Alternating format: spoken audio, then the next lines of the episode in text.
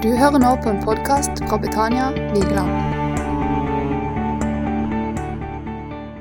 Det samles, det er en sånn rikdom, og mange mange menigheter rundt om i landet de ber og de gråter og kjemper for å oppleve det dere eh, har i huset. Og Vi har vært heldige og hatt en generasjon nå med ungdommer som har prega plattforma og eh, og berika oss, og de har blitt veldig dyktige, eh, for de har vært ivrige. Eh, det tror det var et høydepunkt for dem når IK ønska å fly ti stykker ned fra Fauske for å være med og lede sangen i Kristiansand, der det flommer av flotte og flinke folk.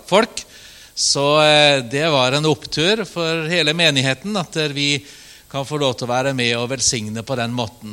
Men nå så er det som ungdomsgenerasjon. Nå står det i et skifte.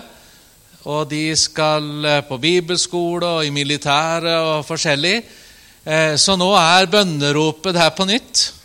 At det må vokse fram, at generasjonene kan komme. og da ser dere, når dere har så mange barn og det er generasjoner, så er dere velsigna. Og det er det som er det naturlige livet. At vi får lov til å være sammen og heie hverandre opp. Så så eh, tenk på det når du kanskje syns det blir litt bråk, og at det kanskje blir litt for mye av det ene eller andre, så er det en velsignelse å kunne etterlate seg noe, og ikke måtte stenge døra når du sjøl ikke har krefter til å, eh, å være der mer. Så det er jo noe av det som er en takksigelse. Så Gud velsigne dere. Så må dere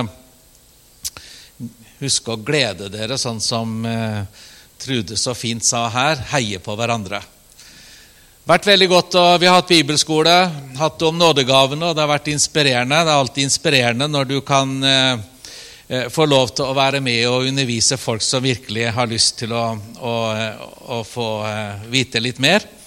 Så eh, det har vært inspirerende. Så takk skal dere ha. Og eh, så er vi sammen nå på søndag, og når jeg ba for eh, for møte her og fikk jo en time ekstra i dag. Da. Det fikk vel du også. Det var godt, det. Og eh, så kjente jeg det at jeg hadde lyst til å gå til selve eh, hensikten. Du vet at eh, Vi har jo hatt nå to bibelskoler. Jeg har vært med dere her nå i år. og det har gått på Den hellige ånd, og hva Den hellige ånd ønsker å utruste oss med, og disse verktøykassa som Den hellige ånd kommer og gir disse gavene som skal forsterke våre evner og våre muligheter. Og så hadde jeg lyst til å eh, gå til, til, senter og til hensikten av dette. For Jesus sier jo i apostelgjerningen 1,8 så sier han at dere skal få kraft i det Den hellige ånd kommer over dere. Og så sier han og dere skal være mine vitner i Jerusalem, i Judea, Samaria og like til verdens ende. Og Det er jo misjonsbefalingen vår. Det er jo det som er selve hensikten med menigheten. Det er at vi har fått et oppdrag. Vi har fått, vi har fått noe vi skal utrette. Vi er her av en grunn. Og det, menigheten her er av en grunn. Vi må ikke glemme hva det egentlig handler om. Og hva som er egentlig kjerna i vårt oppdrag. Og Det har jeg lyst til å dele med dere, for jeg tror vi lever i en tid da vi er nødt til å minne oss om dette som egentlig evangeliet taler om. Og Hvis jeg nå får lov til å spørre deg innledningsvis her Hva var det som fikk Jesus, Guds enbårne sønn, som eh, var arving til hele himmelen og satt på all Guds herlighet som vi ønsker å skue inn i.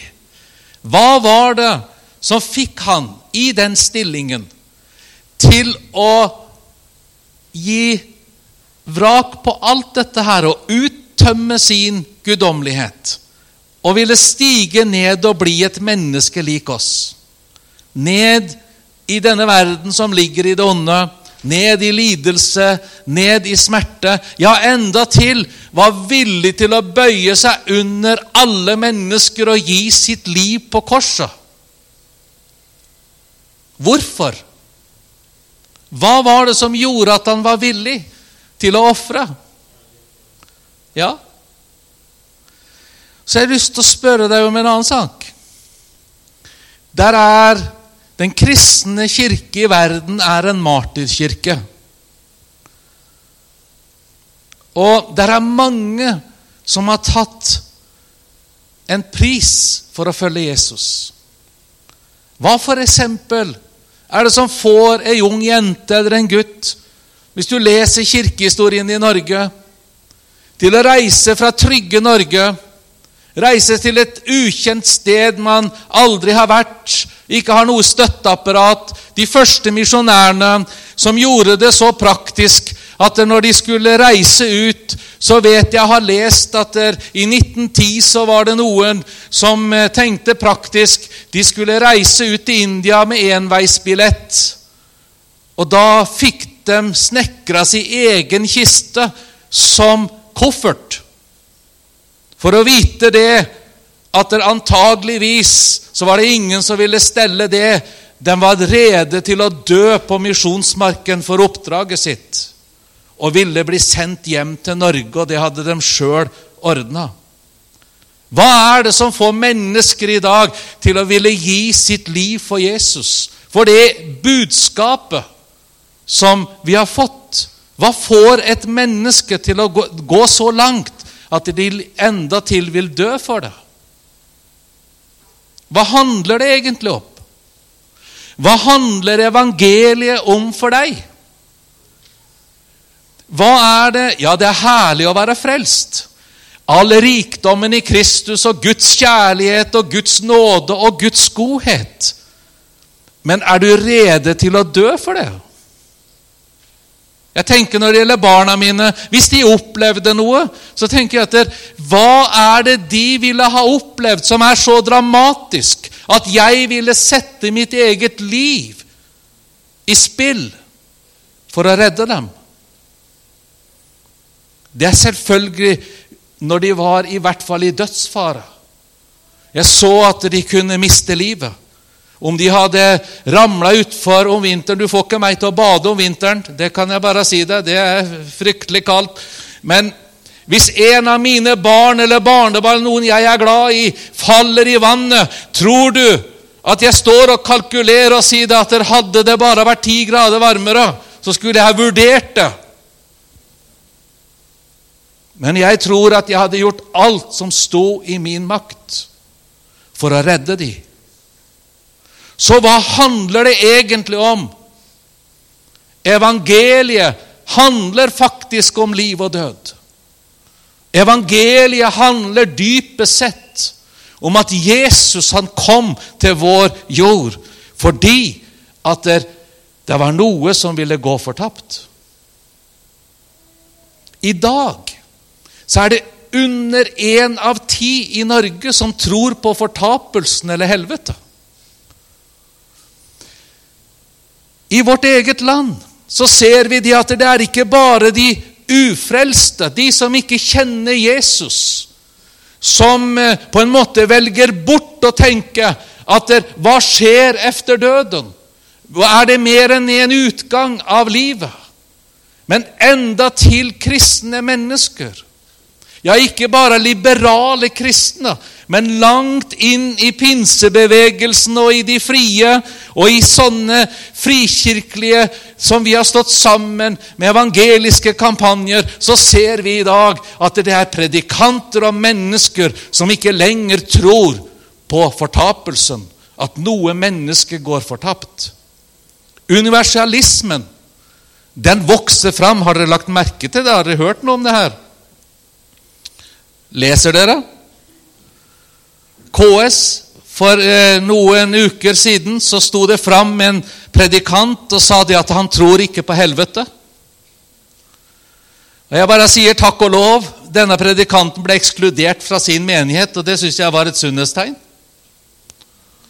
Men det vokser fram en tenkning i vårt land om at Gud, som er så kjærlig og nådig, han må ha en utgang på dette livet for alle. Universalismen det handler altså om at Gud er en kjærlig Gud.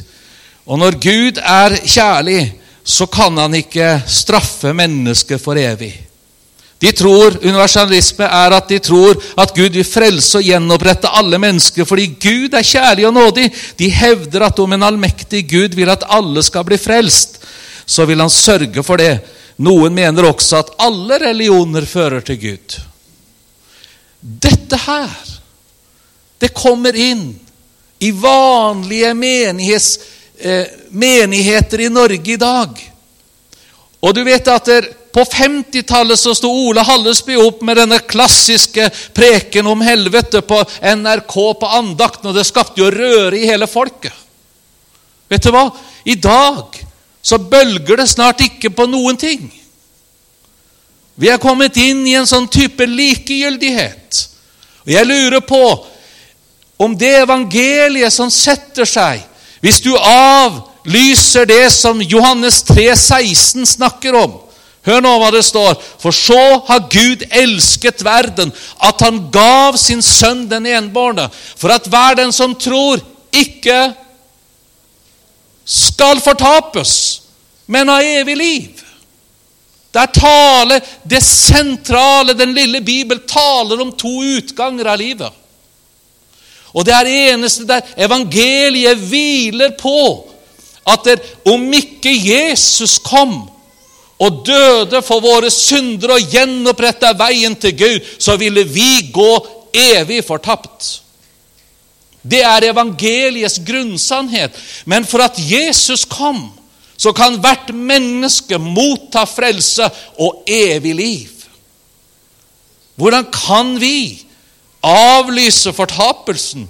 Hvordan kan vi, Jeg vet ikke om du gjør det, men jeg har lyst til å vekke deg for dette, for det er røster i tiden som, eh, som tar dette her eh, opp. Og Jesus, han selv når dette med helvete er så upopulært, og det skjønner jeg Jeg liker ikke å tale om dette her, men vet du hva? Elleve ganger er ordet helvete, eller Gehenna, brukt i, eh, i Det nye testamentet. Og hele ti av dem er det Jesus selv som bruker det.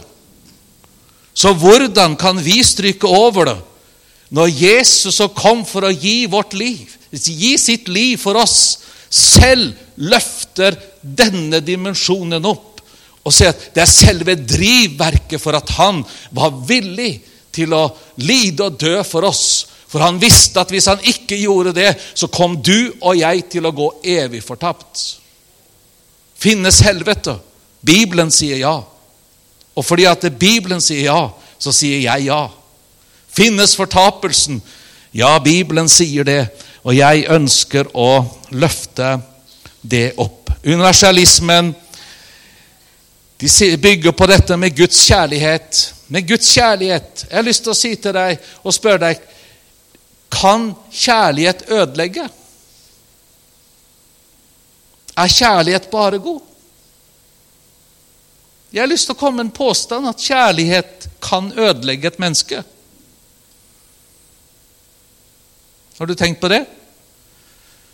Ja, så hvis jeg er så uendelig glad i mine barn Sitter det en test her, da. Men at jeg bare liksom sier ja til alt Jeg kan skjønne det. Kjærlighet kan skjemme bort. Og bortskjemte barn kan bli ødelagt. Fordi at man lærer ikke grensesetting, og man lærer ikke Så kjærligheten kan ødelegge alt det gode. Og når vi mennesker må kjenne det at kjærligheten må også ha rammer og oppdragelse Hvorfor det? Vi gjør det i kjærlighet. Så vet vi at nei og ja er viktig. Om Gud elsker oss, så er det ikke dermed sagt at hans kjærlighet er bløtaktig og si det at ja, ja, vil du ikke høre på meg, så går det greit likevel. Jeg skal nok ordne det. Nei. I sin kjærlighet så har han gitt deg alt du trenger for å leve et liv i gudsfrykt og i, i godhet og i rikdom men du må velge å gjøre som han sier. Det er Guds kjærlighet. Og Hebreerne 9,27 sier like som det er et menneske en lodd en gang å dø, og deretter dom. Bibelen taler om at det, det er ikke bare det at alle mennesker skal dø, men det kommer en dom for alle mennesker. Der er noe etterpå. Det er ikke sånn at det slutter den dagen vi legges i grav, men eh, Gud har sagt der kommer en dom. Derfor så har Jesus tilrettelagt evangeliet for oss. Hva sier Bibelen om døden? Har dere hørt mange prekener om det her? Hæ? Nei, Hva sier Bibelen om døden? Bibelen sier at døden har tre ulike nivåer. Den snakker om den legemlige døden, og den kjenner vi på mange måter som eh, Nei, den åndelige døden først. Det er det åndelige og legemlige og evig død taler Bibelen om. Men den åndelige døden det betyr ikke at det, når et menneske er åndelig død, så slutter det å eksistere. Men å være åndelig død er å ha mista kontakten med den levende Gud. Det er å på en måte ikke ha noe reaksjonsmønster imot den åndelige verden der, der, inn, inn, inn til Gud. Derfor så sier Efeserbrevet 2,1 at der, de som ble frelst, så sier han til menigheten i Efesus dere var en gang døde, men har blitt levende i Kristus Jesus, sier han. Der er altså en død som Bibelen taler om at når du og jeg tar imot Jesus, så blir vi født på ny av Ånden. Vi får liv, Guds livet tilbake, så vi kan ha samfunn med Gud. Det er en form for død som Bibelen taler om. Og det andre er den legemlige døden som vi kjenner. Og dersom ikke mennesker eh, tar imot Jesus og får åndelig liv, så er egentlig den åndelige døden første nivået på dødsprosessen som Bibelen taler om. Og den andre nivået her som vi kjenner så godt, alle mennesker, det er at det, det finnes en legemlig død. Men i den legemlige døden så er det ikke alt som dør. Det står at der er forskjell på vårt legeme, kroppen vår, og sjelen vår. Om du og jeg dør, så er det fortsatt noe av oss som lever videre. Det er den delen av oss som Gud selv har gitt oss av seg selv. Han tok legemet av jordas muld og støv og leire, eller hva det enn var. Og så danna han en kropp. Men det står i første Mosebok, så står det i 2,7 Men Gud Herren formet mennesket av jordens støv og blåste livets ånde i hans nese, og mennesket ble til en levende sjel. Denne sjelen krever Gud igjen. Han har gitt oss den. Men den dagen da kroppen legges ned, krever Gud den tilbake. Derfor så er det ikke sånn at når du dør legemlig, så er alt slutt. Nei, sjelen din, den lever videre, for den er gitt av den evige Gud. Og Derfor så taler Bibelen om at når legemlige dør, så frigjør sjelen fra denne jordiske hytta. Og hvis du notere, så må du notere 2. Peter 1, 14. Og Det står i 2. Korinterbrev 5, 1-4, så står det at vi skal avkledes denne jordiske hytta, og vi skal ikle, vi som er frelst, vi skal få et nytt, uforgjengelig legeme. Det kommer en dag i oppstandelsen da Gud skal gjenopprette det, det synden tok fra oss og forgjengeligheten tok. Men sjelen, sjelen din, den lever videre. I eh, Lukas 23 og 43 Dere kjenner hva som skjedde når Jesus hang på Golgata. Da hang det to røvere med ham. Den ene spotta, den andre han forsvarte Jesus og angra og sa de at vi to røverne vi fortjener å henge her, men han fortjener det ikke. Han er uskyldig så kjenner dere til eh, påskebudskapet der Jesus vender seg til denne, denne røveren, og så sier han sannelig, i dag skal du få lov til å være med meg i paradis. Hva handler det om? Kroppen ble lagt ned i en grav, men sjelen hans på grunn av at han tok imot Jesus med bare Tenk på meg når du kommer i paradis, sier han. Tenk på meg. Tenk på meg! Og så fikk han lov til å, opphøre, å oppleve at du skal få lov til å være med meg i paradis. Og så får vi et lite innblikk når vi vi ser her i, i Lukas evangelium, i det 17. kapitlet, eh, så får vi eh, se når, denne, når Lasarus denne eh, Lasarus og den rike mannen Dere har eh, lest denne her eh, beretningen, eller så kan du notere deg, og så kan du ta den for deg. Um, ja, I Lukas 16 er det. Denne fattige mannen. Begge dør. Så står det at Jesus forklarer efter at de var døde, så kom de til paradis. Der var det et svelg.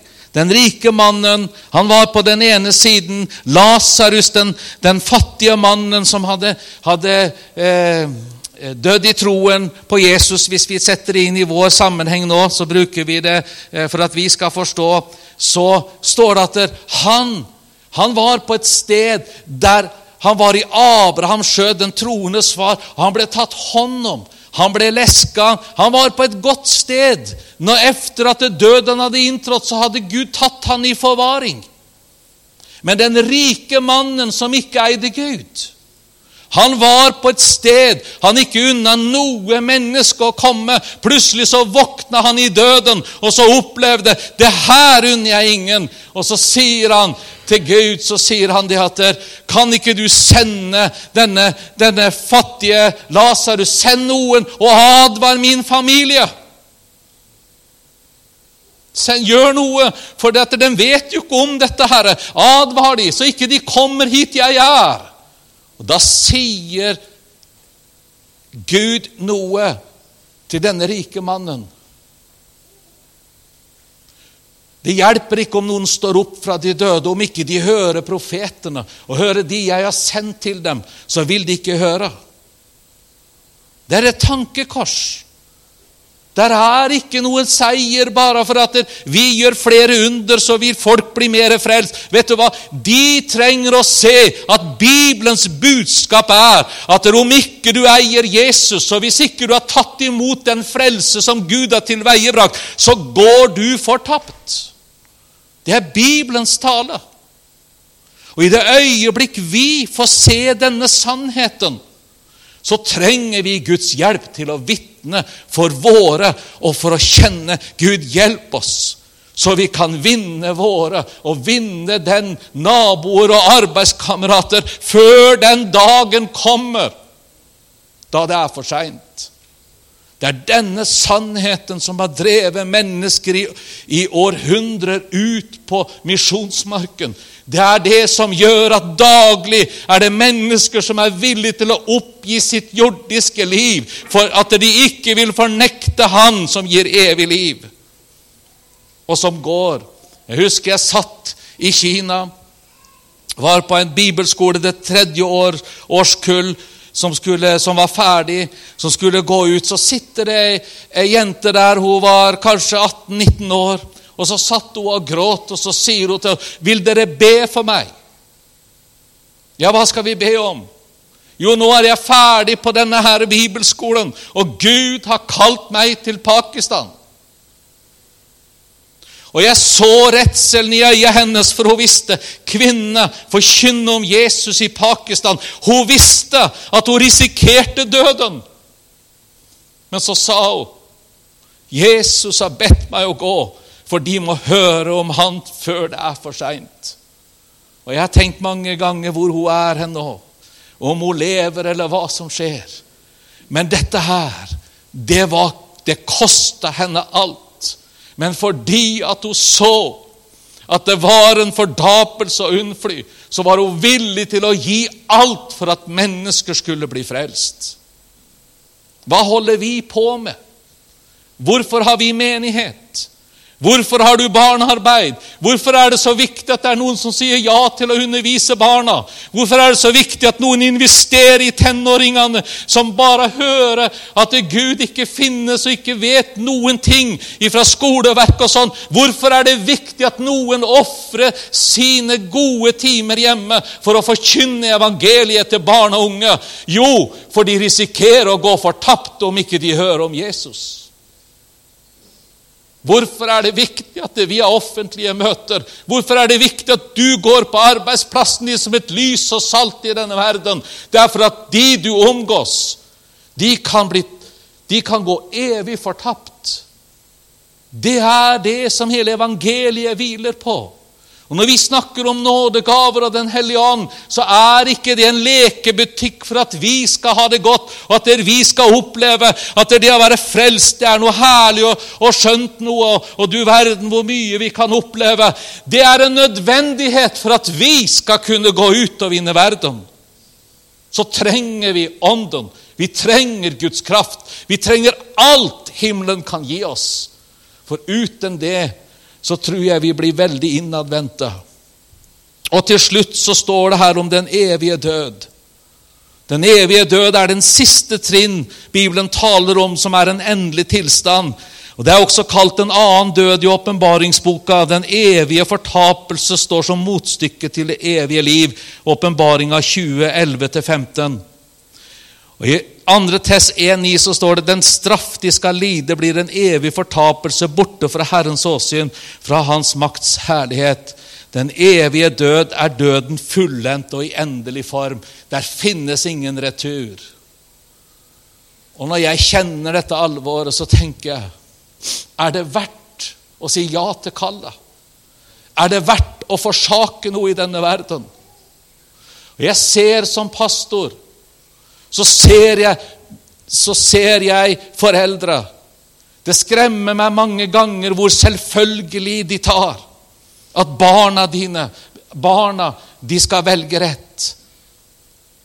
Hadde ei jente Hun var sånn 11-12 år og veldig åpen, herlig. Jeg, jeg, jeg har henne stadig for mine øyne sånne bilder. Så åpen og hungrig for evangeliet og for Jesus og ønska.